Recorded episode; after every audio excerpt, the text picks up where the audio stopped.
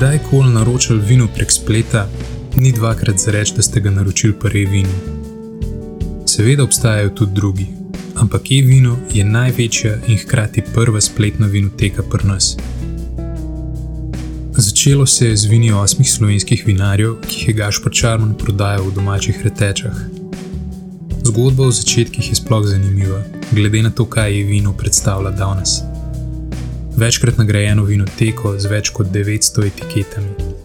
In kakor boste slišali v pogovoru, bo e-vino še naprej raslo in se razvijalo. Gašpor je poznate tudi zaradi njegove vinske znamke: Vina Gašpor. Vse veste, ribca na etiketi, zelo dovršen dizajn v sodelovanju s slovenskimi umetniki.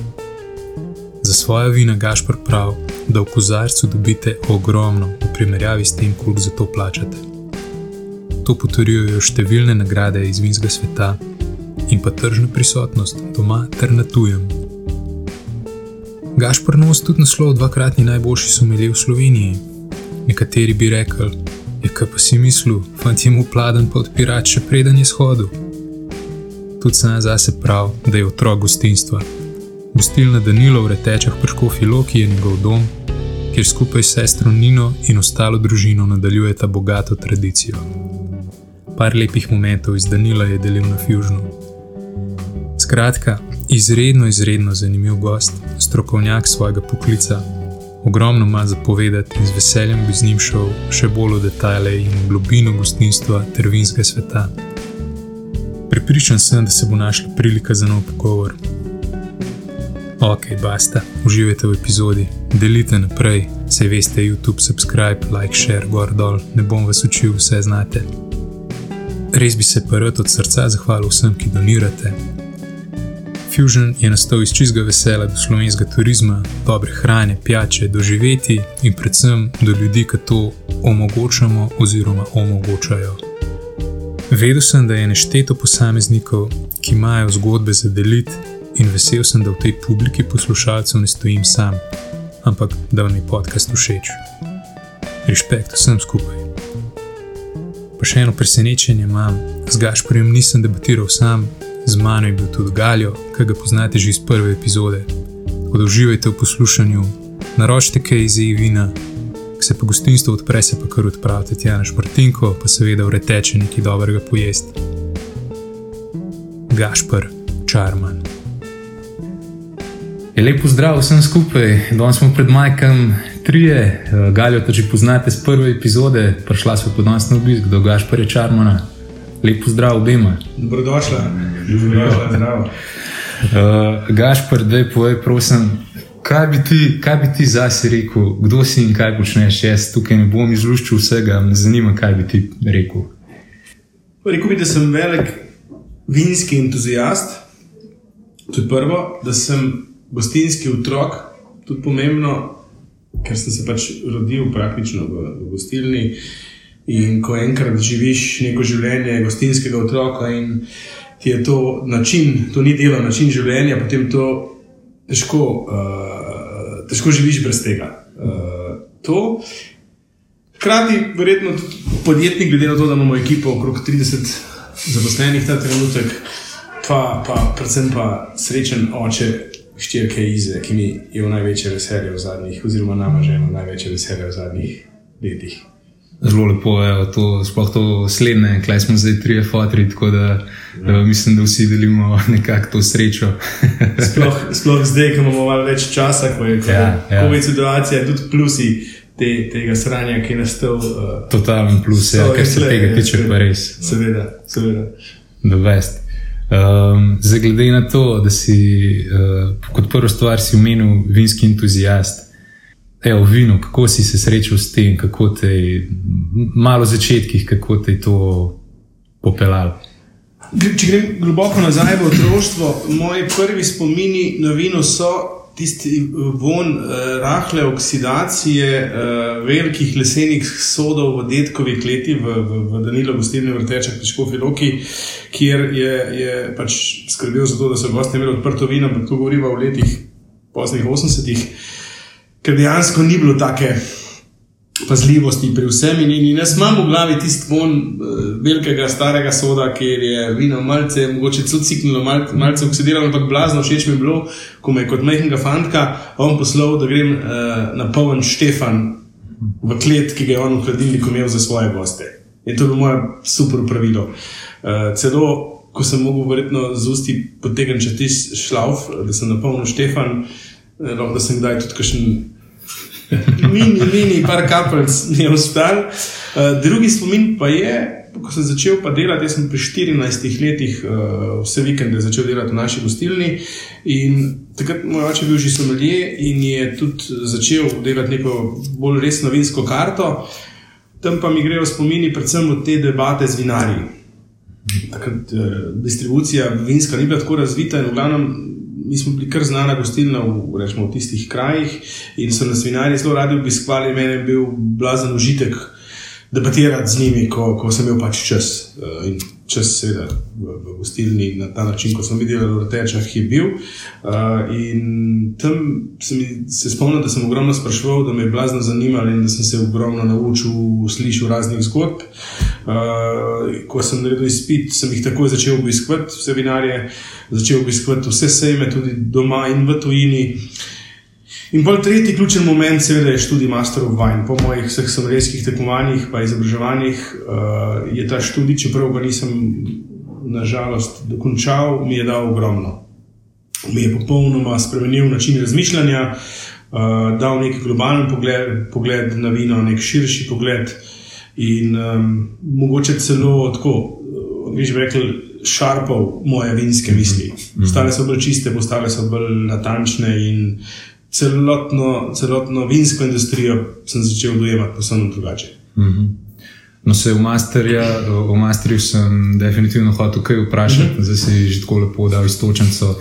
Uh, v eni izmed prejšnjih epizod so tudi z Robertom mm -hmm. Gorjakom govorili mm -hmm. o tem, -hmm. mogoče bi še ti povedal tvojo izkušnjo, sam ta Master of Wine. A je to, mislim, en res najbolj zahtevnih študijev, ta predanost, mogoče kako poteka vse skupaj, kako je bilo pri tebi. Po mojem je to eden najbolj zahtevnih študijev, splošno, ne samo v vinski industriji. V vinski industriji je absolutno z naskokom. Pravijo, da je več ljudi šlo na Luno, kot je uh, dobilo naziv Master of Wine. Moja izkušnja je bila taka, da sem se pridružil inštitutu leta 2012, uh, eh, naredil tako je ta level one. Uh, V bistvu prvo stopno, kjer je selekcija, mislim, da že 70%, se pravi, 70% jih odpade, že na, na level one. In potem ta level tu, ki traja v najbolj optimističnem scenariju, po mojem, še ne vem, komu sploh vrata v zgodovini, ampak je to uh, tri leta. Uh, v nekem realnem scenariju pa tako pet do sedem let. Uh, jaz sem bil del tega, se pravi, do 2017, uh, ko se nam je rodila Iza in ko sem v bistvu drugič uh, padel zadnji finalni izpit. In um, to me je zelo razočaralo, zato sem bil dobro pripravljen, naučil sem se za ta izpit od uh, celo leto, praktično, ampak od 1. januarja vsak dan 3 do 4 ure. In um, tudi falil sem par procentov ta pass rate, ki je 65 odstoten. In dejansko sem potem si vzel premor, uh, na eni strani biznis, na drugi strani master of wine, na srečo otrok je bilo zahtevno, da sem se odločil, da dam to na hold. Mogoče je to zdaj v hold zavedno, ampak ne glede na to, da titule nimam, mi je dejansko ta izkušnja dala ogromno. Tam, tam je veliko self-studija, prisilijo te, da ti doma degustiraš, da se učiš teorije. Teorija je izjemno pomembna, ker tudi za degustacijo, za slepo degustacijo, za prepoznavanje vin, ki jih imaš pred sabo in nič veš o njih, moraš biti absolutno teoretično podkovan, da veš po čem diši šardone, po čem diši sovinjon, kaj so značilne arome, vem, modrega pinoja, kabernet sauvignon, da, da znaš iz kozarca potegniti neko logiko scenosledja, zakaj vem, vino, ki raste v, na, v severnih koncih, ima takšen karakter napram vinu, ki raste nekje na južnem, v obsončenih vinogradih. Tako da dejansko absolutno super študij. Ogromno časa sem porabil za to, ogromno denarja sem porabil za to, ni mi pa žal niti sekunde, niti centa. Ja, to absolutno verjamem. Uh, Siguren tudi to, da te je potrl, ker pač je par procentov zmanjkalo, ampak uh, vse to, kar si povedal, uh, koliko si pridobil skozi vse skupaj. No, če se odločiš, da greš enkrat, le mi navijamo. No. Hvala. Ker velikih je, zadnjič smo enega tujega poslovnega partnerja, enega uspešnega gospoda, ki mi je rekel, da je pravi še enkrat o tem govorimo že nekaj let. Ja, me, mal vre v meni, ne. Bi se lotil še enkrat, ampak je to tako zahtevno, da je potem res treba totalno spremeniti način življenja. Moji sošolci so uh, redko kdo je bil podjetnik. Jaz mislim, da sem zelo edini med njimi, ki je furil svoj biznis takrat. Vsi imajo nek plan, da v neki službi uh, posvetijo veliko časa temu študiju, ko dokončajo študij. Začnejo nek svoj biznis. To je neka dosta splošna logika bila, ali pa razmišljanje teh mojih sošolcev. Hočem pa reči, da večina njih je vzela dopust zadnje pol leta. Ker dejansko moraš biti fokusiran. Mene je vedno mučilo to, da zjutraj, ko sem študiral, da sem tam odklopil vse ostalo. To mi nikoli ni uspelo, in, in zato mogoče tudi mm -hmm. mi je zmanjkalo tistih par procentov, da bi dokončal, ker pač nisem bil pri stvari, nisem mogel štiri ure odklopiti ostalih stvari. Um, Ampak ne glede na to, na, na, na, na, na slepi degustaciji mi je dalo ogromno, zdaj če gremo degustirati, bom dosti boljši, kot sem bil predtem. V teoriji mi je dalo ogromno, tudi v nekem razmišljanju, v neki logiki. Pa tudi na koncu koncev stvari, ki so pomembne, ker nisem, nisem vinoga, pa, pa vinar, ko predela vino, je vse, vse v zadnje, promocija tega vina, cenovna politika, gre to v, na police trgovine, gre v gostinstvo, da razumeš, da razumeš malo globje celotno industrijo, to je super. Mm -hmm. A tudi degustiranje, si to tudi dnevno treniral, to je bilo ja. skozi. Uhum. To mi je bil še najbolj zanimiv že, to, sem, to sem najraje počel. Uh, bilo je tako, da v bistvu je takrat pri nas bil glavni sommelier Blaž Draxler in on mi je pripravil 4-6 ozorcev, drugače flight na izpitu je 12 ozorcev, ne, se pravi 3 dni, vsak dan imaš 12 ozorcev, en dan bele, en dan rdeče, en dan mešano.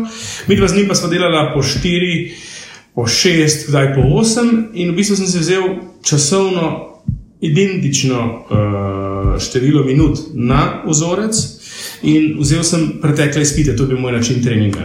Blaž je dobil naprej te pretekle izpite, eh, seznam vini, oni potem podobna vina zbirajo. Recimo, lahko imaš flight 4 šardonejev, pa mora biti noter en New World in Old World, dva ne vem, funky, uh, lahko je flight Bordeaux, pa mora dati ne vem, dva iz levega brega, enega iz desnega brega. No, in to mi je bilo najboljše, ko sem doma zjutraj po svetu eno uro, uro pa pol, kdaj dve kdaj 45 minut, ker dejansko. Point te slepe degustacije nisem to, o, to je Cabernet Sauvignon, letnik 2016 iz Pomerola, uh, sorry, iz, iz, iz Pojaka. Uh, v Pomerolu ga ni, iz Pojaka, uh, Grand Cru Classe, cenovno ful visoko. Je, da ti razložiš, zakaj si prišel do teh, do teh uh, odgovorov. Mm -hmm. In to je bil, bil zabaven del. Ja, se pa, par videov sem pogledal, kako, kako to ljudje trenirajo. No, vem, ali sred fitness treninga, alarmi sred noči, zato da so pač konstantno skozi sredi na to, kar jih čaka, kar je v kozarcu. A s tem mogoče tudi kakšno tako metodo? Men, problem je ta, ker jaz sem v naravi zelo uživač. Ne? Po mojem, sem tudi mal razvajen od teh užitkov, ki mi veliko pomenijo, ali je to hrana, ali je to vino, ali je to nogomet s prijatelji, ali je to družinski izlet. In dejansko premalo samo discipline imam za to. Ja. Moji sošolci so bili v tem dosti bolj striktni, dosti bolj. Prejmo eh, so razmerni in tudi na koncu, verjetno, zato je mi uspel. Tle, uh -huh. mož biti zelo samodiscipliniran, kar pa jaz nisem, uh -huh. če si iskreno. Uh, in, in to, da bi zdaj šel vem, na fitness, pa pa, pa gonil kolo, eno uro zraven, pa gledal listke, pa se učil, ne morem. Ali pa šel vem, v službo, oni so šli na vlak, vsak dan pol ure vlaka so pol ure trenirali. Vsak prosti trenutek so posvetili temu. Da, mhm. Kartice so bile zelo uporabljene, ker imaš na eni strani vprašanje, na drugi strani odgovor. Uh, In ne bom pozabil, enega je imel kavček, ampak ne majhen, ne hand luggage, resen kavček kartic s seboj na, na tem, ko smo imeli spit. In praktično vse je znal na pamet, vse, kar je imel v kavčku, smo ga vprašali, da je vedel. Pa je boje naredil. A veš, da nisem šel. Nimam stika več, nisem šel. Je pa fulj zanimivo, da ni glih, da, da, da ti piflari v navednicah vsi naredijo. Ker, ker tasting, še vedno moraš biti malo talentiran, moraš razumeti, ne moreš se vsega sam naučiti iz knjige. Tako da je zelo dobra kombinacija obojega, da ti razumeš, pa da pa imaš še to samo disciplino. No, meni je po mojem ta sama disciplina manjkala. Tasting mi je vedno šel, um, ampak ta sama disciplina mi je pa. Mhm. Neki teoriji, ker bi lahko naredil še en korak na več, pa, pa, pa essay writing je zelo pomemben. Vse je na temo eseja, vsi, vse, vse, kar je teoretičnega dela, moraš odgovarjati kot esej. Mi v Sloveniji nismo tako vešči tega, kot so vem, angliška šola, recimo. In tle je tudi benefit za njih, pa jezik tudi, ker ne dopušča nobenih slovenskih napak, eh, vse mora biti perfect spelling, perfect English. In tle tudi za vse nas, ki ne govorimo prvega jezika angliščine, Zahtevno je, Ja, definitivno. to sti izziv. ja. Uh, glede na to, da si rekel, da si uživač po naravi, a, a pa ti je vseeno stal ta način degustiranja, okušanja, uh, ko recimo imaš kozarec vina pred sabo, ali kakšen ga res reče, zdaj pa res sem užival, me ne zanima, kaj, kako gor dol, ampak ti preprosto ostali iz recimo tega Čist. študija. Čist. Čist. Ne zgodi se, da bi spil kozarc vina, brez da bi razmišljal zraven, pa brez da bi povezoval, pa brez da bi iskal eh, pluse, probo odmisliti minuse. Absolutno mi je ostalo, absolutno. In to mi je tudi najbolj zanimivo, ker pri vinu je največja lepota ta, da skoraj nemogoče eh, je priti do konca. Uh, bolj, ko, ko, ko več ko znaš, več ko se naučiš, več teorije, ko vladaš, bolj se zavedaš tega, kako malo veš. In to je ena taka eh, lepa stvar pri vinu.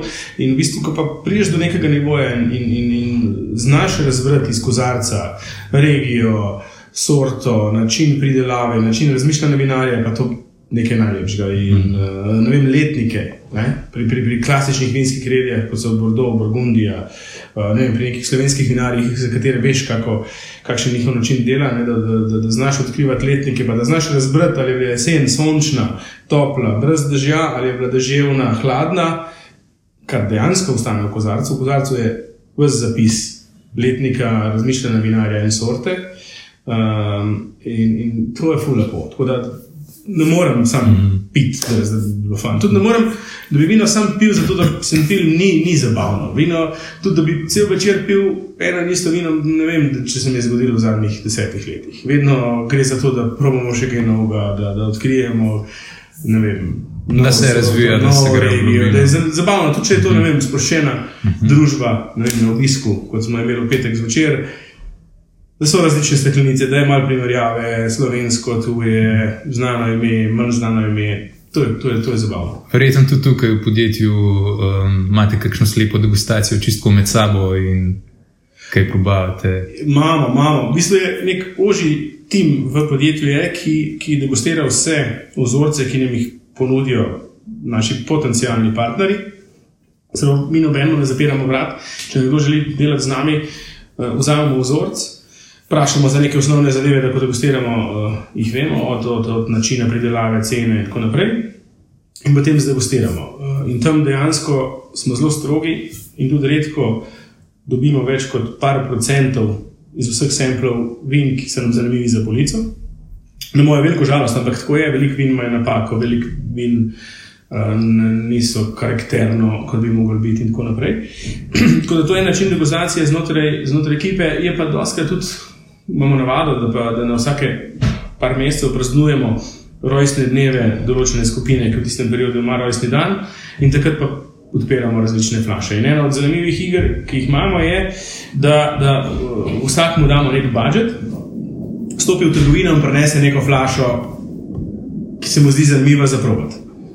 Uh, in to se mi zdi, to se mi zdi ful zabavno. Zato, ker tudi, tudi ko daš nekomu budžet, potem kaj je izbral, vidiš njegovo razmišljanje, kaj ga intrigira, kaj še ni pil, kaj je zanimivo. To je, to je, to je, to je ful zabavno. In mi je všeč, da celotna ekipa dejansko uh, zelo uživa v tem, pa da je zelo vinska. Mm -hmm. Gali bomo probali. Ja, ena ideja tudi za našo ekipo, Ja. telo, recimo. Ja, Ja. Škoda me zanima, Mm. a kakšen špricer pa spiješ? ja itak, z veseljem polet. Ja, Ja. ja. Polet z veseljem dosta rajš kot pivo, pa tudi pivo pijem po, po kakšnem športu, eh, nisem kontra. Ampak poleti z dobrim, svežim, belim vinom, ki ima lepo kislino, ne špicer, absolutno, absolutno. Popovdne gorim. Ne bi Ja, zdaj, ja, ja, ne bi zdaj zvečerjal, pa bil špricer, to se mi moje še ni zgodilo, ampak popovdne, ko pridemo s plaže. Pa kakšno anegdoto, recimo? Jaz sem nekaj bolj tako vprašanje, Ja. pač se že poznava Ja, ja. toliko ja. ja. časa. Um, vinska zabava, tvoja najboljša vinska zabava, ki si jo imel v svojem življenju, vinskem. Uh, vinska zabava, govoriš kot, kot žurka ali kot kakšen Kot drug? žurka, se je nekaj sem jih tudi jaz dostal skozi. Ja. Uh, vemo, da so zelo zanimive, Ja. um, zelo sproščene. Me pa zima, kjer je pa tvoja bila najboljša, da si res rekel, no tukaj se je pa dobro pil, dobro jedel, družba je bila ta prava. Um, in na koncu ni bilo kakšnega umora ali kaj podobnega. Tega, tega, je- tega je ogromno. Po mojem, vsa moja družba, ki je, je tudi zelo vinska, ali pa, ali pa jim je to zelo zanimivo. Ampak tako, če, če zdaj pomislim, recimo, tako malo out of the box. Je, bila spoznavni, je bil spoznavni večer v Rustu, v Avstriji, na, na, ko sem se pridružil na inštitut Master of Wine. Se pravi, oni so dali možnost vsem nam, da prenesemo vsak svojo steklenico, in potem so imeli širanje za mizo teh, teh, teh flaš. In tam je bilo prvič tako, da je bilo, po mojem, več kot pol vin, ki jih jaz nisem pričakoval na tistih mizah. In dva, dva vzorca sta mi ostala blazno spominja. En je bil Sumor Šampini, uh, se pravi Cabernet Franc iz Loare, uh, ki je, uh, se, se ne spomnim, kleti, ki je bila fenomenalna klet in cena je od takrat do danes poletela na tako 500 plus. Um, se bom spomnil, klorožar, klorožar. Um, fenomenalno vino. In drugo je bilo en, en sherry, letniški, mislim, da je bil letnik 67. Ker nisem bil do takrat uh, nek blazen fan sherry, ampak tista flaša me je tako vrgla iz stola. In, in Fino varianta. ne, je bil um, ta letniški, Montelado. ja, ampak kako se reče.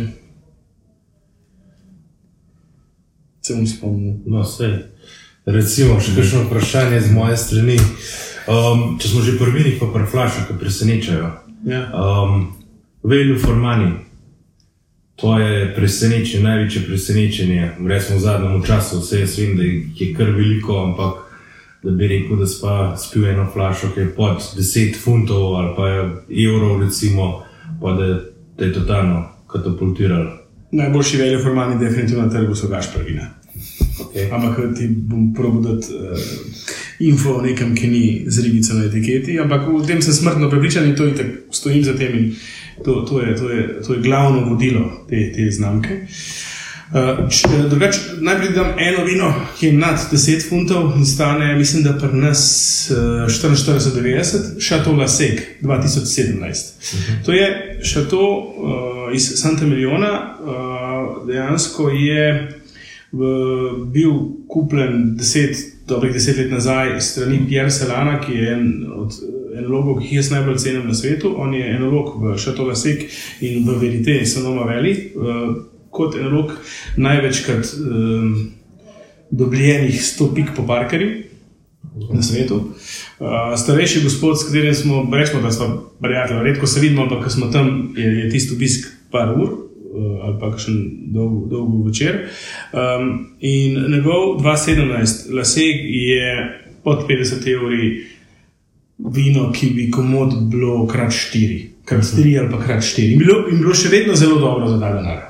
Tako da uh, mi smo ga ogromno kupili, um, na moje veliko presenečenje, zelo hitro prodali, tako da zdaj komi čakam, da kupimo spet, po mojem, novo paleto, ker je, ker je nekaj, kar lahko stoji še 10-15 let. Um, pod 10 funtov ali pa pod 10 evrov, kaj bi bil dober price value. Kaj še noč svet je rekel? No? Ja, zdaj recimo Mount Nelson, Sauvignon Blanc je fenomenalen, sanje malo čez, je 1290. Um, mene blazno navdušuje uh, Duro, recimo rečemo Quinta do Balado, Duro Red za 999 ali pa Rufo od Van Zelerja. To sta dve rdeči vini, ki sta fenomenalni za ta denar. Prav fenom, fenomenalni za ta denar. Z- Zapiski se pišejo. evo. Uh, Prej si dal tako lep intro za Gaš prvine, da se preprosto moramo zdaj na to navezati. Tako da mi je zelo všeč, kako stojiš za, za, za firmo, za brandom. Um, kot vinski entuzijast, že od malih nog, je bilo verjetno kar vprašanje časa, slej ali prej, neka lastna vinska znamka, a nam mogoče lahko v začetkih kaj več poveš. Ja, v bistvu je tako, da sem jaz z, z mojo prvo blagovno znamko po izboru Gašpor Čarman začel že zelo zgodaj. V bistvu v, v, v, v istem času, ko sem šel na svoje, ko sem odprl svoj SP takrat, se pravi, to je bilo leta 2004 oziroma 2005, sem eh, štartal z, z Evinom, z Evino.si spletno vinoteko.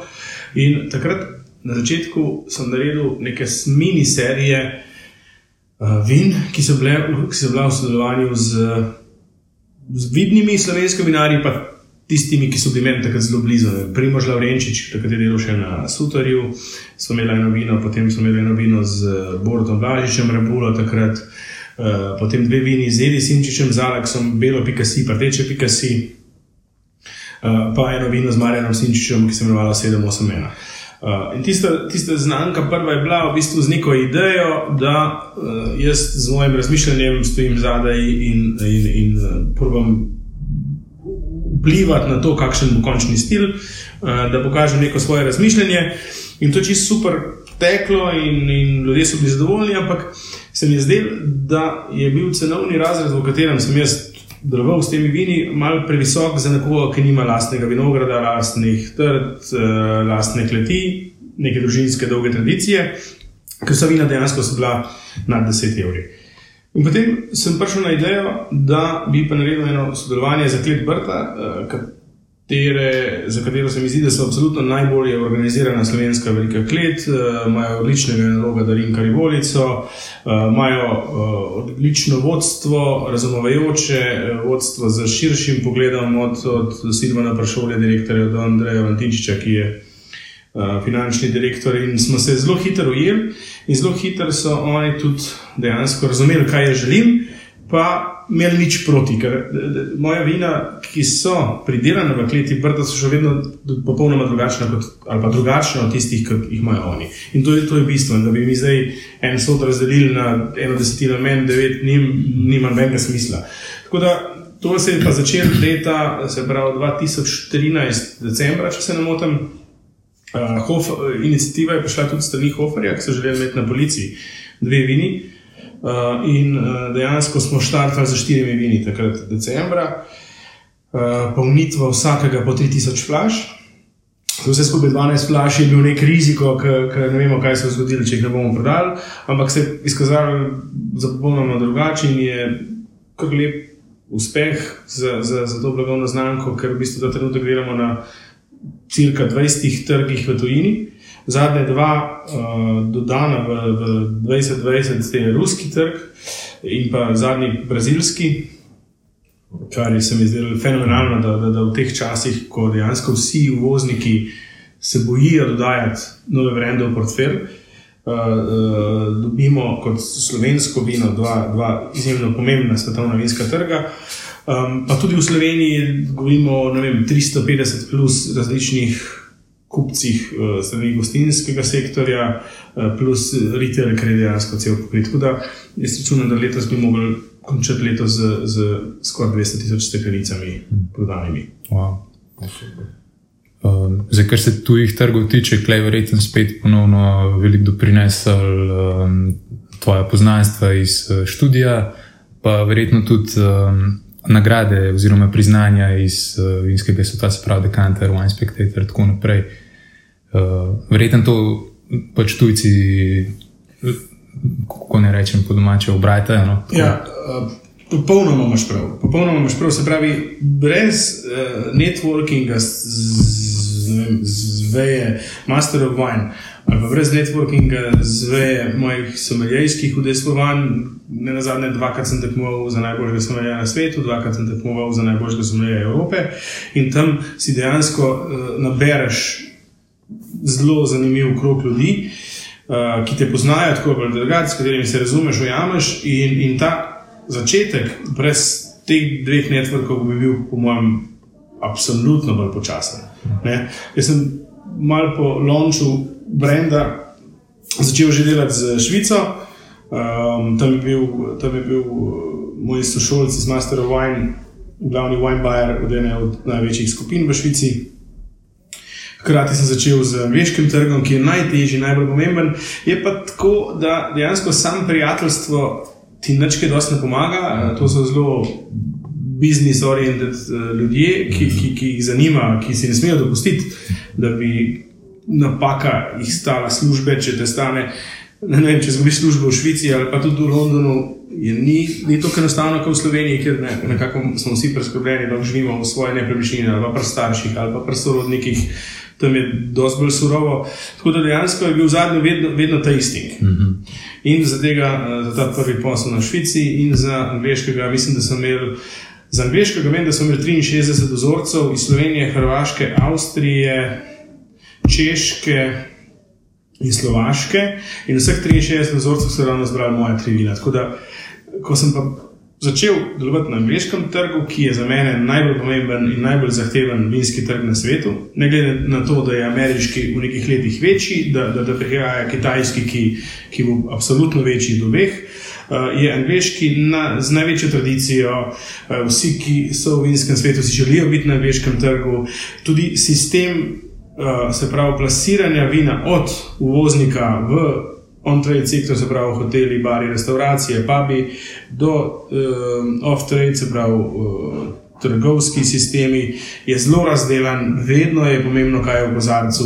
Noben ne, ne kupi ene steklenice, brez da bi probil. Tako da mi je to blazno všeč, zato ker sem vedno bil pristaš tega, da v kozarcu ponujemo ogromno za denar. Mhm. In eno od najboljših primerov, sem, da ti da dokončam, recimo ta trenutek najboljši mladi sommelier na svetu je Mateo Montone, uh, pred parimi meseci tudi zaključil Master Sommelier. Uh, v prvo, kar je zelo redko. In Mateo je head wine buyer, pa head sommelier v The Edition hotelu v Londonu, to je Five Star hotel. Um, Mateo je, rečemo, zdaj prijatelj, uh, ki spoznala smo se samo na temo vin. In Mateo je imel Malvazijo, uh, Gašpr, skoraj eno leto na kozarec. In, in anekdota je, da pravi, da kadarkoli mu je njegov tim pripravil nek blind tasting, slepo degustacijo vin, ki bi jih naj imeli na kozarec, ne, je vedno za Malvazijo rekel, da je vsaj enkrat dražje, kot dejansko je bila.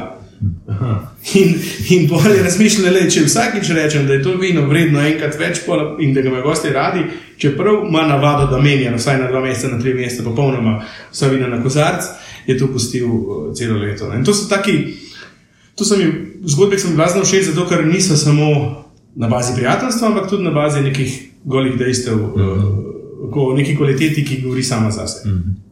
Ja, zelo mi je všeč, da si sam to izpostavil. Se pravi, da slabo vino ne bi šlo naprej, tudi če imaš ti najboljše prijatelje na pozicijah. Uh, hočem pa vprašati, kako glede na to, da v bistvu sam kot vinar nimaš lastnih vinogradov, ja. kako si se, verjetno si naletel na kakršne koli očitke. A, a, a si se s tem kaj dosto ukvarjal, ali, oziroma kako si se s tem spopadal? Navadil sem se, da se ne obremenjujem z, z nekimi negativnimi stvarmi. Uh, absolutno imaš prav, da, da očitki so bili, uh, sploh na začetku jih je bilo ogromno.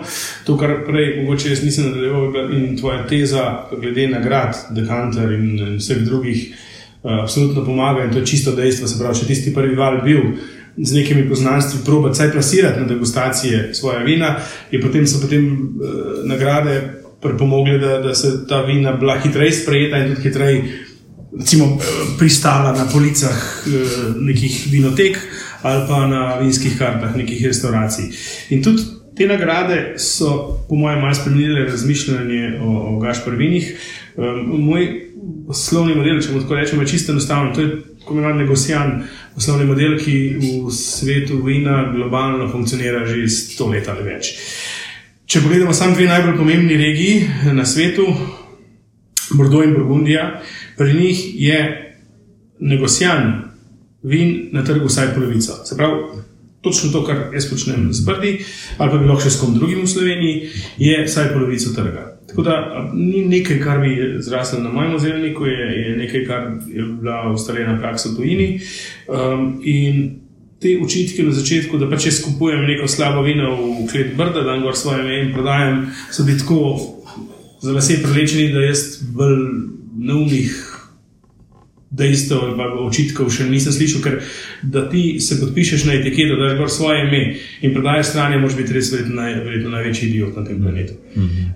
Če je gašpr na etiketi, jaz si ne morem prvošiti, da to ne bi bilo nekaj, za čemer stojim ali kar je dobro. Seveda obstajajo boljša, večja vina, kot, kot so ta z ribico na etiketi, logično, ampak če neko vino stane 6,99, 7,99 je valjda napram nekemu vinu, kjer ima manjše donose, kjer ima več časa za let v kleti, kjer, kjer prihajajo starejših trd, je mal ne, počasnejši, če rečemo, primerjava z nekim sprintom. Sam, če, pa, če pa dam na mizo, si pa upam, da to kar nek frank, pa je bilo.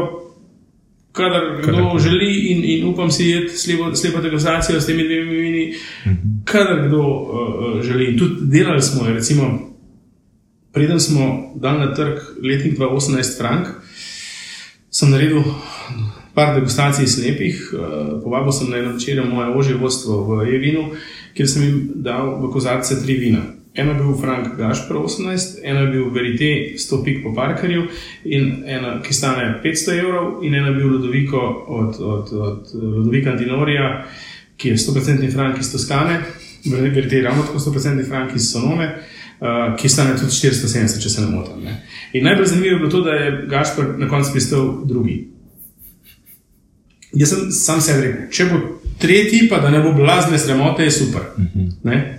Zanimivo je bilo, da nekdo je izbral prvo verite, potem Gašpor, potem Ludoviko, nekdo je Ludoviko, Gašpor in to me je blazno navdušilo, ker je spet čist slepa degustacija. Noben ne ve, zakaj se gre, najbolj fair.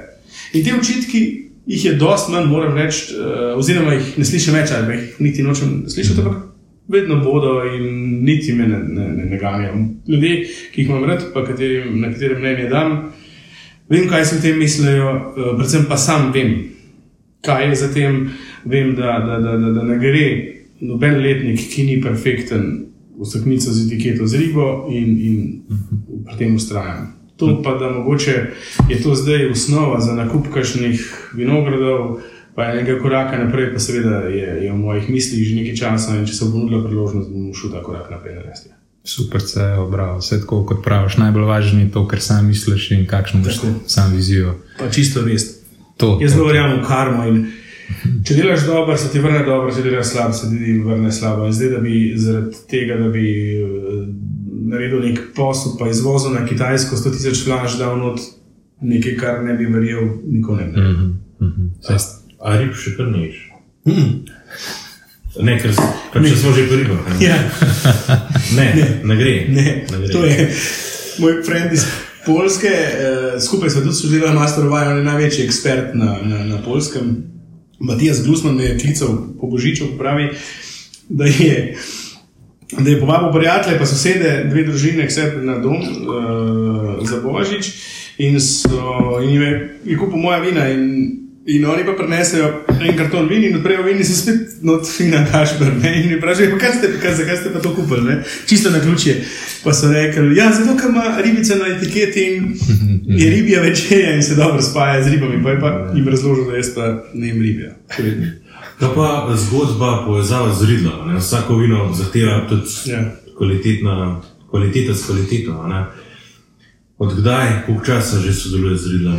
Z Ridlom sodelujem od leta 2005, če se ne motim. Dejansko čisti, čisti moj začetek. Jaz sem bil na takar, oziroma sem mariral v naši gostilni in um, imel to svojo malo spletno trgovino z osmimi vinarji iz Slovenije.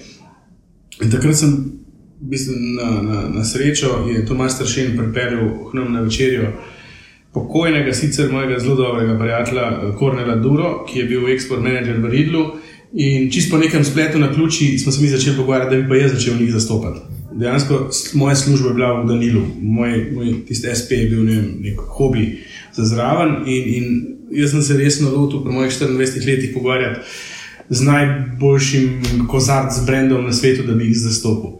Na koncu tudi prepričal Kornela in super uspešno delamo že več kot 15 let. Um, in Riddle mi je bil pa všeč zato, kot si samo omenil, ker je za tem absolutno kvaliteta in znanost. Se pravi, vsaka oblika kozarca uh, je namenjena točno določeni sorti in lastnostim te sorte. Če pijemo mi zdaj Sauvignon in, in, in uh, poskušamo ljudem prikazati to intenzivno aromatiko, uh, te zelene arome, bazilike, bazga, uh, uh, šparglov um, in, in, in ponovadi ta Sauvignon ima višjo kislino, je, je neko lahkotnejše, sveže vino. Potem moramo imeti osko in visoko čašo, zato da Prvo bo zadržala vse te mo- molekule, aromatske molekule, ki bi jih mi radi pokazali pivcu, in drugo, um, tudi ta oskost ne bo imela kontraefekta, ko bomo mi popili zaradi više kisline. Bomo bili pa še ne, pa rabimo jabolčasto obliko, zato ker igramo na popolnoma druge note, se pravi, tam pa ni intenzivne aromatike, aromatika ponovadi, če je bil malo v lesu z kombinacijo sadja z vanilijo, um, niže kisline, predvsem pa bogato telo in rabimo, da se vino razprši v usta, da, da začutimo to bogato telo. In tle pri Ridlu mi je to všeč, da od Johann Klaus Ridla, se pravi iz 1960, ko je on revo- dal na trg to revolucionarno idejo, vsaka uh, različna časa za vsako sorto, uh, stoji zadaj spet neka znanost. Uh, jaz verjamem v fakte in, in, in pri Ridlu, ko razvijajo nov kozarc, pa naj se bo to. Vem, za Malvazijo, ko so ga uspeli Hrvati narediti z njimi, je tukaj zadaj ogromno degustacij z vinarji, eh, različni stili Malvazije, zraven sta Max Riddle, zraven je Georg Riddle in, in dejansko na podlagi nekih dejstev oni potem začnejo proizvajati kozarce za Malvazijo. Ni samo stvar, ne vem, dizajnerja iz Istre, ki bo naredil kozarce za Malvazijo. Ne, ne, ne, gre za to, Čisto kako, kako bo kozarc pomagal Malvaziji, tako čisto uporabnost. Kaj pa mehen, da se vrnemo čist na začetek, začetek. Mi dva se poznava že toliko časa, da Ja. sem bil jaz pretep še v tisti, kaj je to kontejner ali kaj čistočen, začetki je vina. To je zelo romantično, pa da imamo povej, kakšni so bili začetki. Ja. začetek je barakca, ki stoji še vedno na vrtu naše gostilne Danilo, ne, če se te spomniš. Ja. Uh, in ta barakca dejansko je bila neka vrtna lopa, če rečemo temu tako, ki, uh, za katero sem jaz očeta prepričal, da pač ne urodje pospravil ven, ker bom jaz noter naredil svoje prvo skladišče in sem kupil v termo, bil takrat škofeloka volno. Uh, in v knaufu plate. In malo polic, in naredil svoje prvo skladišče, in zavelo tako, seveda ni imel hlajenja, seveda je bilo polet vroče, da sem zvečer, ko sem nehal delati, ker je bilo ura deset, ko se je malo skladil, šel in odprl vrata, da je to skladišče spustilo temperaturo, zunaj popil še kozarc, kako koli s kom poklepetal in pol zaprl, in da upal, da naslednji dan se ne bo preveč segrel. Um, moment, korak naprej je pa bil, ko sem se preselil iz te barakce v skladišče, pa mini pisarno v tovarno Korona, se je rekel, v Ratečah, blizu naše gostilne, zdaj do Melto. Uh, in tam se mi je pridružila Špela, Kuralt kot prva zaposlena, pa Aleš Kmet kot drugi zaposleni. In tam smo ustrajali do leta 2009, preden smo odprli te prostore, tukaj na Šmartinskem. To je bilo super. Ne bom pozabil, da ko smo opremljali to pisarno, smo že eno opremljali, stijaša opremljali to pisarno, zunaj smo dali lep tek, tepih, eh, v neko lepo cedro, pa noter hladilnik, to bi bilo ključno, da imam par kozarcev pa hladilnik. Če pride kdo, da mu odpremo, da mu natočimo in postrežemo. In verjetno se je zbil dol tudi Ja. tiste Še spomnim se plača, kjer smo viličarje dol, viličarje smo vozili vsi, Aleš, jaz in celo špela, ko je bilo treba, uh, ker pač ni šlo drugače. Vsi smo delali vse, vsi smo delali in dostavo in vse. In so bili super časi. Mi smo pa nenormalno rasli. Se spomnim, prvo leto sem naredil 7500 evrov prometa, pol sem naredil 75, pol 200, pol 400, pol pa že skoraj milijon. To smo mi naredili že, se pravi, v tistih 4-5 letih, praktično iz nule in, in to mi bo všeč. In, in Galja, ti in vi, ekipa gor z Mateožem Strajnerjem, dejansko je, bil, je bila ta ekipa z Blejskega gradu moja druga stranka. Če mislim, da pač Danilo gostilna je nulta stranka, ne bo, ker je logična. Prva stranka je bila pizzerija Jesharna v Škofi Loki in potem uh, Mateož in, in, in, in ta ekipa z Blejskega gradu. To je bilo ful dobro in se spomnim, še kdaj je bilo treba kaj nujno, ste rabili še na robo, ker je prišel z Pravite, to ne dela zvečer. ne? Ja, tako s kombijem, ko smo iz barake, iz barake nalagali, odprli kakšno flašo, tako ful lepi spomini so, ful, ful lepi spomini. Zelo zelo lepo je. Um, še eno vprašanje. Uh, najljubša vinska regija. Brda. Pustimo brda. Ne, no, vse to brda se lahko vse. Uh, ja, če bi tako rekel, uh, nenormalno verjamem v potencial brd in vipave.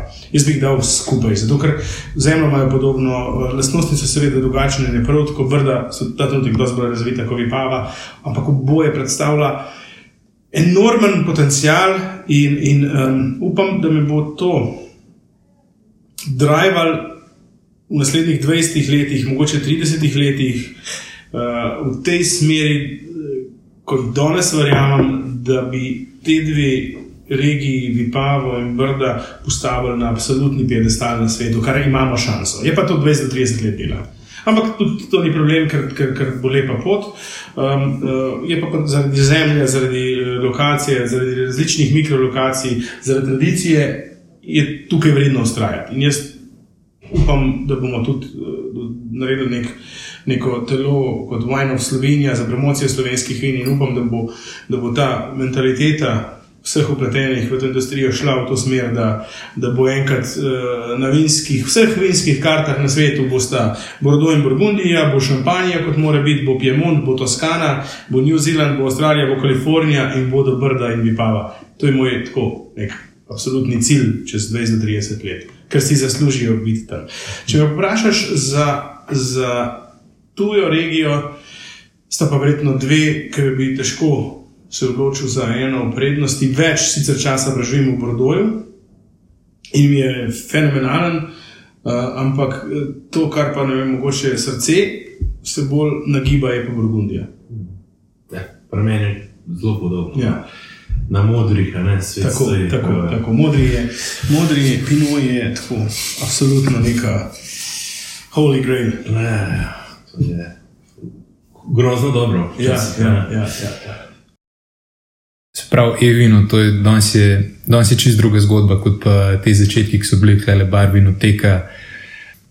Če se prav spomnim, sem prebral, da se je sama spletna prodaja zdaj v času epidemije 12krat povečala. Ali je to pri, približno drži, ali kakšni so zdaj vmes, je bil še decembr, verjetno je še kakšna druga ja, cifra. tako, marca, ne, po pr- prvem lockdownu je bilo, ker so bile številke tako nižje. Ne, ampak uh, na letni ravni, uh, mislim, da smo mi šli krat tri lani, um, letos so pa cilji podobni. Uh, ekipa, ki pri nas dela na razvoju spletne trgovine, pa ki skrbi za spletno trgovino, jo vodijo Erika Zupanc, naša šefica marketinga.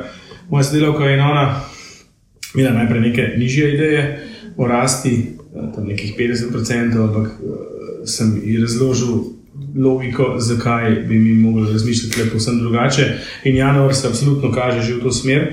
Um, dejstvo je, da je prvi lockdown v Sloveniji spletno trgovino postavil tja, kamor spada. Se pravi, ljudje do, do tistega trenutka so bili skeptični. Eh, pri Meni se je ogromno kar dogajalo, ko so ljudje prišli sem in rekli: hej, smo bili na spletni strani, uh, smo videli to pa to vino, pa sem ga prišel iskat. Ne? Kar meni ni bilo logično, zakaj ga pa nisi naročil, pa naslednji dan je bil pri tebi. Uh, ampak to je pač navada. Bila do nedavnega, zdaj se pa moja pa spremenila. In nam je super prav prišlo, da v bistvu bil to moj začetek, da, da, da 15 let se ukvarjamo s spletno trgovino, čeprav ni prenašala nekih blaznih prometov, ampak se nam je zdelo prav, da jo imamo. Um, še vedno smo pa dali absolutno gas marca lani, uh, ko sem jaz videl, kje v smer vse skupaj gre, začeli razvijati novo spletno platformo z svetovalcem, z, z ekipo, ki nam dela SEO optimizacijo, pa, pa, pa oglaševanje na Googlu in Facebooku, pa razvojno ekipo iz Belorusije, ki je ena od deset najboljših za e-commerce v Evropi. In v bistvu smo launčali to stran pol prenovljeno decembra, še vedno imamo kar močen seznam, kaj bi radi popravili. Um, Nekaj stvari smo zdaj opazili, da bi bile boljše, kot smo jih predvidevali, tako da to bo še eno par mesecev, sigurno, da bomo glavnino tega rešili, drugače pa to je tako ongoing stvari, ne moreš skozi spremenjati. Ja, to je živa, živa zadeva. Totalno. In tudi um, kot sam biznis model je popolnoma drugačen, način prodaje je drugačen. Jaz menim, da smo se kar nekaj naučili, sploh v tem zadnjem letu, in sem absolutno uh, prepričan v, v, v svetlo prihodnost vina preko spleta. Uh, predvsem pa moramo mi razmišljati znotraj vina, da želimo biti evropski. Vinski trgovci, ne, ne samo resni slovenski vinski trgovci, ampak s to platformo postati resni evropski vinski trgovci. Smo eni redkih, ki ima portfelj, kot ga imamo mi, govorim v Evropi, ker dejansko imamo iz vseh regij najboljše, kar se lahko dobi. To je zato, ker pač delujemo na slovenskem malem trgu in, in tradicija, preden smo mi uh, pristopili k tem, top, k tem ostalih slovenskih trgovcev, je ni bilo. Uh, in smo imeli srečo, da smo lahko pa dobili res tako Dream Team ekipo najboljših eh, svetovnih kleti. To je eno, drugo, smo njih redki, ki imamo vse na zalogi, Sprav vse, kar vidite na spletu, je na zalogi in odpremljamo isti dan. Um, pa uh, logistično imamo poskrbljeno, da kjerkoli v Evropi ti vina dobiš v dveh, treh dneh. Kar dejansko je, je, je, je, je blazno redko, zdaj moramo samo to. To zavedanje razširiti ni enostavno, mogli bi prevesti v neke druge še tuje jezike. Tako da vemo, kaj, kaj moramo v prihodnje narediti. Um, želimo pa si tle absolutno pokazati še kaj več mm -hmm. na spletu. No, se tudi uh, ekipa, tvoja zaposleni, um, ti zelo veliko daš na samo vinsko izobrazbo, koliko si, si primerno 30 zaposlenih. Tako je, na obeh, na, na, na Danilu pa v Vinu nas je prihodnost. Ja. Se pravi, in v bistvu od, od vseh pričakuješ ali nekaj zahtevaš, da je vsaj ta nek v svetu osnovna stopna tako naprej. Nas, vsak, ki se nam pridruži, pa ima nek stik z vinom, uh, ima možnost po enem letu zaposlitve v e-vinu izbrati neko izobraževanje, uh, ki mu pač odgovarja za delovno mesto, in veliko se jih izobražuje na VSET, nekateri tudi na somalijskem programu. Dejansko pa je to zelo pomembno, tudi, tudi mi je všeč, ne, da, da, da ko dobijo neko formalno izobrazbo, hkrati razvijajo znanje znotraj naše ekipe, pa znotraj delovanja in vino, kar veliko pomeni. Tako da ti naši team buildingi, uh, večerje, ki jih imamo, so vedno vezane na degustacije, kot smo prej govorili, na slepe degustacije, na odkrivanje nekih novih vin. In to, da ima moja ekipa strast do vina, mi je, mi je zelo pomembno. In všeč mi je, da imamo. Jedro ekipe stalno, da je že kar nekaj let pri nas, seveda, nekateri se uh, v zadnjem času se malo hitreje menjali, ker pač tudi jaz sem kar zahteven šef. Pa, pa, pa samo okolje pri nas je zelo hektično, uh, ker hočemo biti uh, super organizirani, super kvalitetni, vse narediti takoj. Uh, in ni enostavno za vse, ampak uh, to je jedro, sem zelo ponosen na. Uh -huh. A v Ugaš prvina tudi upeljuješ sodelavce iz tukaj, ali je to čisto tvoja lastna zgodba? Ne, ne, upeljujem, upeljujem. Uh, uh, dva, ki največ delate na tem, oziroma Aleš Kmet, ki je v bistvu izvršni direktor v Evinu in je v firmi že 13 let, je dejansko prisoten na vseh degustacijah, ki jih jaz imam, ko delam Final Blend. Ne, on, je, on je zelo dober degustator, on je v teh letih razvil nek test, ker se mi dva si zelo, zelo podobna, ko degustiramo. Tudi za recimo uvozni program Evina, uh, mi vedno naredimo vse sestanke na dveh sejmih, en je Prova in Düsseldorfu, pa, pa v Italiji, v Italiji. In na teh, na teh dveh sejmih uh, poskušamo zdegustirati vse, kar naši tuji partnerji ponujajo takrat, in na podlagi teh degustacij potem tudi izberemo tisto, kar mislimo, da je dobro. Nikoli ne izberemo, sem pač prišel na letnik, ja, da je. Moramo preveriti, in, in, in lež je tisti, ki te degustacije zadnje par let že dela sam. In bo popolnoma zaupam, in on tisti, ki se odloča, uh, kaj bomo imeli. Jaz, seveda, pa na koncu tudi to za nekatere vina potrdim, za nekatere pa, pa absolutno grem na zaupanje in provam, pa kaj pridejo v stališče. Um, in pri Gašpar vinih, ko delamo te final blende, ko delamo usmeritve, je, je vedno, vedno zraven in skupaj degustiramo. In pa je še tukaj Erika Zupanc, ki pa skrbi za neko marketinško, organizacijsko schemo Gašpar vin. Uh, in, in, in kaj se na tem dogaja, potem pa rabimo še tretjo osebo, ki samo na neki operativni bazi skrbi za odnos z uvozniki, z raznimi obiskovalci, ki pridejo v Brda, z novinarji in tako naprej. Uh mhm. -huh. Še eno stvar, glede gaš prvim, te moram vprašati. Uh, zdaj, dizajnerji bi rekli, da dizajn je vse. Uh, ti si v svoj dizajn upeljal tudi umetnike, lahko glede etiket umetnikom malo več o tem. Uh, super, všeč mi je, da, da, da ste to opazili. Uh, Jaz sem blazen fan likovne umetnosti. Od mojega 24 let, ko sem si kupil prvo sliko uh, Franca Novinca, akademskega slikarja, profesorja na akademiji, uh, do te neke zbirke, ki sem jo v teh letih si uspel zgraditi in sem na njo kar ponosen in vesel. In v tej zbirki so samo, razen parih izjem, so slovenski umetniki, uh, so umetniki, s katerimi imam tudi neko prijateljsko vezan, pa, pa smo kolegi. Um, in vedno sem razmišljal, kako bi skombiniral umetnost in vino, in se pravi, in, in se pravi širjenje tega umetniškega zavedanja skozi etiketo, ki dejansko ti, ko daš eno sliko na 1000 flash na 8000 flash pomeni, da bo šla na tok in tok eh, miz, eh, v tok in tok kozarcev, ker bo ljudje prijelo roke in, in to opazili. In prišel sem na idejo, da bomo vsako leto eh, povabili enega umetnika k sodelovanju, ki bo narisal karkoli si želi za našo linijo selekcije, se pravi za Cabernet Franc in Rebulo, vendar edina stična točka naj bo ribica. Ker motor ročild, ki ima že ne vem, sto let ali pa več kot sto let. Tako podoben koncept z Picasso, ki so sodelovali z raznimi velikimi imeni, si lahko prvož, da umetnik naredi, kar želi. Jaz sem pa vsem bil mišljenja, da, da, da Gašpor je še vedno mlad brand, dokaj nepoznan brand in je prav, da v neki eh, smeri naredijo ribico. -huh. In prvi, ki je naredil uh, ribo za etiketo, tukaj vidite original, je bil Miha Štrukel, on je tudi akademski slikar, uh, moj prijatelj in jaz kar veliko njegovih slik imam v svoji zbirki.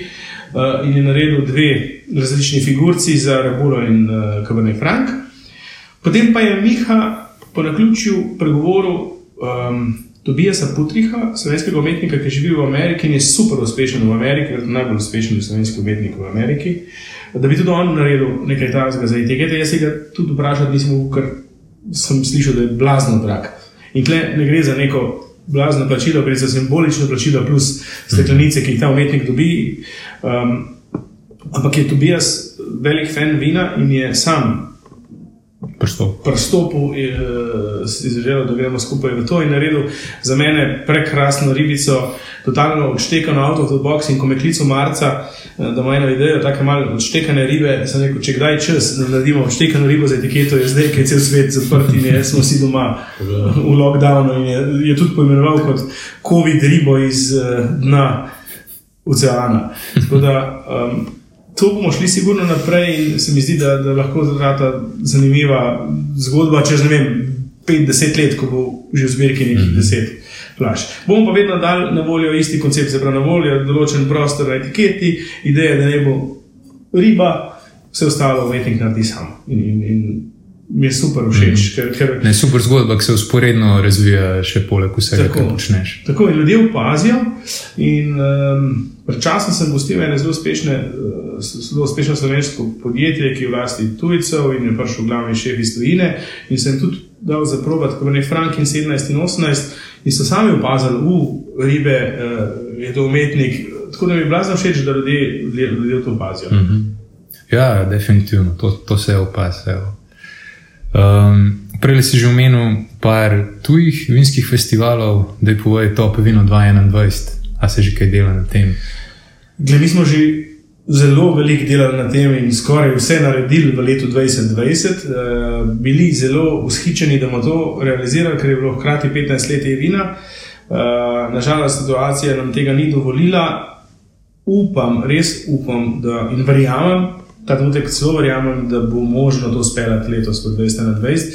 Um, treba bo potipati tuje vinarje, ker pred to situacijo, ki se nam je zgodila lani, so nam vsi obljubili osebno prisotnost in bi imeli dejansko uh, hu iz hu vinske industrije v Ljubljani. Uh, zdaj je treba še enkrat preveriti, kaj to pomeni za njih, ali bodo potovali to, kot so v preteklosti, ali so spremenili kakšne svoje strategije. Ampak ja, želim si, da bi to realizirali v jeseni 2021, najkasneje v spomladi 2022.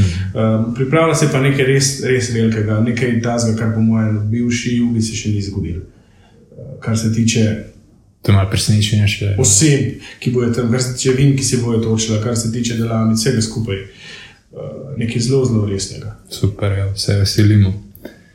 Nekako prav je, da, kot si v začetku omenil, ti si otrok gostinstva, prav je, da zdaj proti koncu gremo spet malo nazaj, pred Danilu, kaj se kaj tam dogaja. Gled, pri Danilu včeraj smo bili, pri mami smo praznovali 20 dan. Um, za Danilo skrbi bolj Nina kot jaz. Uh, jaz ti absolutno pomagam, stojim od strani, vse odločitve smo imeli skupaj, ampak vse zasluge za, za, za dobro delo v Danilu pripisujem njej. Um, komaj čakamo, da začnemo. Neverjetno smo žalostni, uh, da ne moremo delati. Jaz se nikoli nisem bal te krize, te situacije, tega virusa, um, niti v enem dnevu me ni bilo strah, kaj bo z evinom, kaj bo uh, s poslom, kaj bo z uh, zaposlenimi.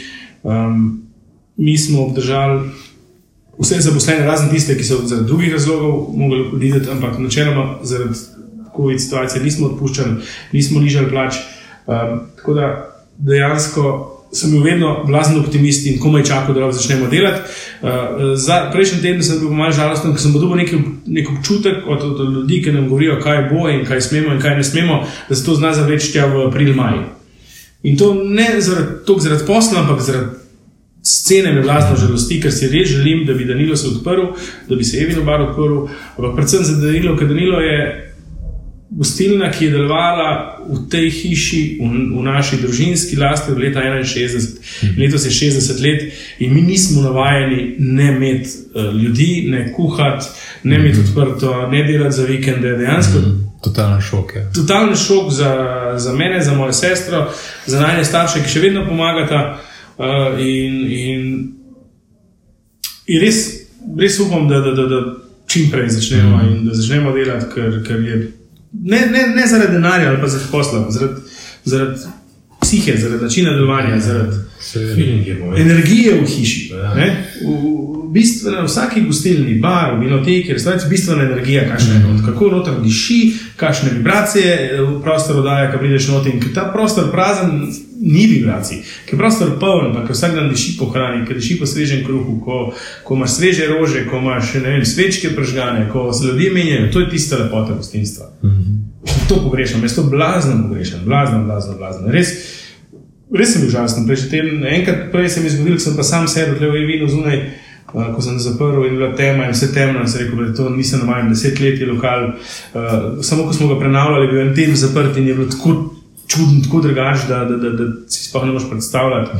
In zdaj je že to mesto zaprto, da je to ni. Seveda, ja, ej, vsi držimo pestino, da se ja. pač čim prej normalizira vse skupaj. Sem pa prepričan, da bodo vsi dobri gostinci, ko se odprejo, delali fenomenalno. Ker ljudje smo po naravi bitja, ki se želimo druženja, ki se mhm. želimo uh, nekih socialnih živeti, bitja, ja. socialna bitja smo. Uh, ne živimo zato, da bi pojedli, ker rabimo pojesti, ampak živimo zato, da okušamo.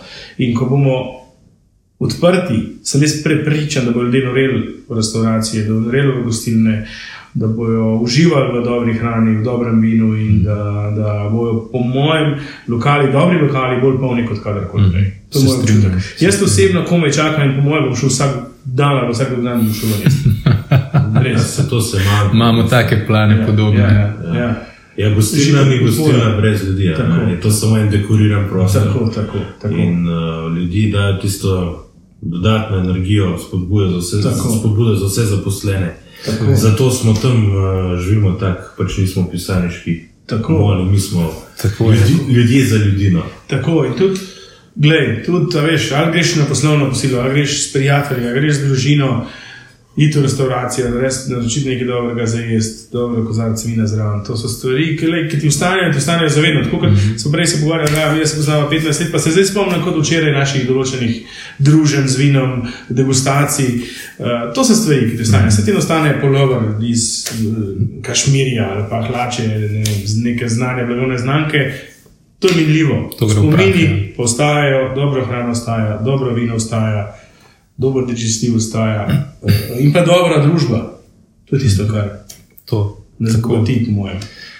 Uh, še tole bi te vprašal. Za vino si rekel, da ti je pomembno, da lahko ponudiš, recimo, kleve vino iz uh, svetovnih regij, iz evropskih regij, ne samo domača vina. Kako pa na kulinariko gledaš? Zdaj, res, da mogoče doma nisi tako upet v samo kulinariko, ampak me zanima tvoj oseben vidik na to. Kulinarika je absolutno zelo pomembna. Recimo, jaz pri dveh lokalih, ne, v Danilu si z Nino želiva imeti fine dining restauracijo, ki, ki ohranja pečat regije, ki skrbi za sveže surovine, pa kjer je, kjer je vem, tehnika na krožniku malo bolj zahtevna. Ne. Um, pri Evinu smo pa, smo pa se vedno želeli, da imam absolutno perfektne surovine, identične kot jih uporabljamo v Danilu, ne, ali identičen nivo, uh, vendar da kuhamo na malo bolj preprost način. Uh, in, in eh, tega se držimo, uh, nočem pa delati nekih kompromisov uh, na temo nižje cene, cenejših nakupov, uh, boring surovin, tega nočem. Ne na zadnje, tudi sam osebno vsak dan v vinu jem. Mm. In meni hrana to pomeni, da si ne morem predstavljati, da ne bi jedel perfektne surovine, zdrave, eh, ekološke, eh, sveže in tako naprej. Tako da kulinarika je absolutno eh, zelo pomembna in, in vinoteka brez kulinarike ne more biti. Jaz sem, ko sem odprl, sem naredil napako, sem hotel imeti samo vinoteko brez neke hrane, ker smo imeli doma Danilo in sem vedel, koliko je s tem energije potrebno in dela in stresa. Ampak dejansko v parih letih sem spoznal, da to je napačno razmišljanje in da potrebujemo dobro kulinariko za dobro steklenico. Tako da to gre eno z drugim. Roko v roki. Ja. Ja, ja. Kaj pa, da se še navižemo, da sem že jaz v tvojemu, tvoji pisarni, pa še vprašanje, je vino ne prodaja samo vina. Ne? Prodaja tudi žgane pijače, zdaj jaz sem majhen v tem džin svetu, pa mm -hmm. pač neko vprašanje, najljubši džin. Bo zelo težko reči.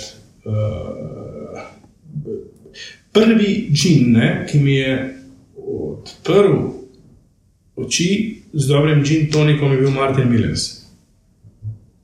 Ja, Ja. In je kar nekaj zdaj džinov, ki so mi ljubi in ki so izjemni. Ampak recimo Martin Millers, ne bom pozabil v Londonu s Fever 3 v tem pravem kozarcu s Pulledu.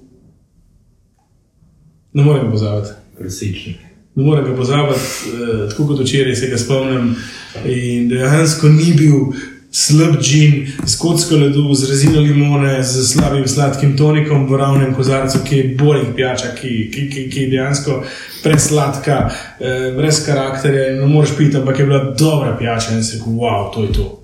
Tudi, veš, džin, tonik revolucija se ni zgodila zato, ker pač je džin prišel trend, pa dober tonik prišel trend, ampak se je zgodila zato, ker je dober. Ne? Tisto primer, ki sem dal prej z, z, z, z Gin Tonikom izpred vem, 20 let, ki je bil za nič, ali pa soliden, recimo, maksimalno je bilo soliden, ne? do tega, da je rado zdaj, eh, ne vem. Platforma za izražanje z različnimi džini, različnimi dodatki, z dobrimi toniki, uh, ker, ker je sam let na koncu koncev pomemben. Da imaš ti tisti z luknjo v krogu let, ali imaš, mislim, v krogu tisti, kar lipsas klasičen, ali imaš, ne vem, hošizaki ledomat, kjer ima ko- kocko polno in se ne topi in, in ne delutira uh, pijače. Tako da vsi ti detalji, ampak drink je fenomenalen in, in meni je všeč, da, da, da si gin toniku, ker je, ker je res dobra, dobra pijača. Ja, tukaj se jaz samo strinjam, to je vse, kar bom dodal. evo. Ok. Znači, mislim, da smo prišli nekako do konca. Tole, tole je bilo odlično, Gašpar. Hvala, hvala tudi tebi. Tanja. Um, z, z veseljem bi še nadaljeval, pa se bomo dobili še v kakšni drugi priliki. Tako da za finiš, evo, sam še mogoče na sklepno misel s tvoje strani, Gašpar, to vsakeč na koncu vprašam. Karkoli imaš, eh, lahko je to čisto na misel, eh, povzetek, karkoli, evo, tebi dan.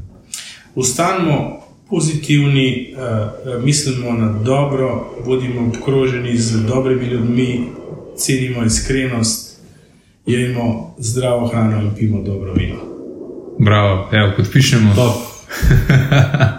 Jaz sem za. Evo, super. Cool. Hvala vam za obisk, hvala, eh, super je bilo.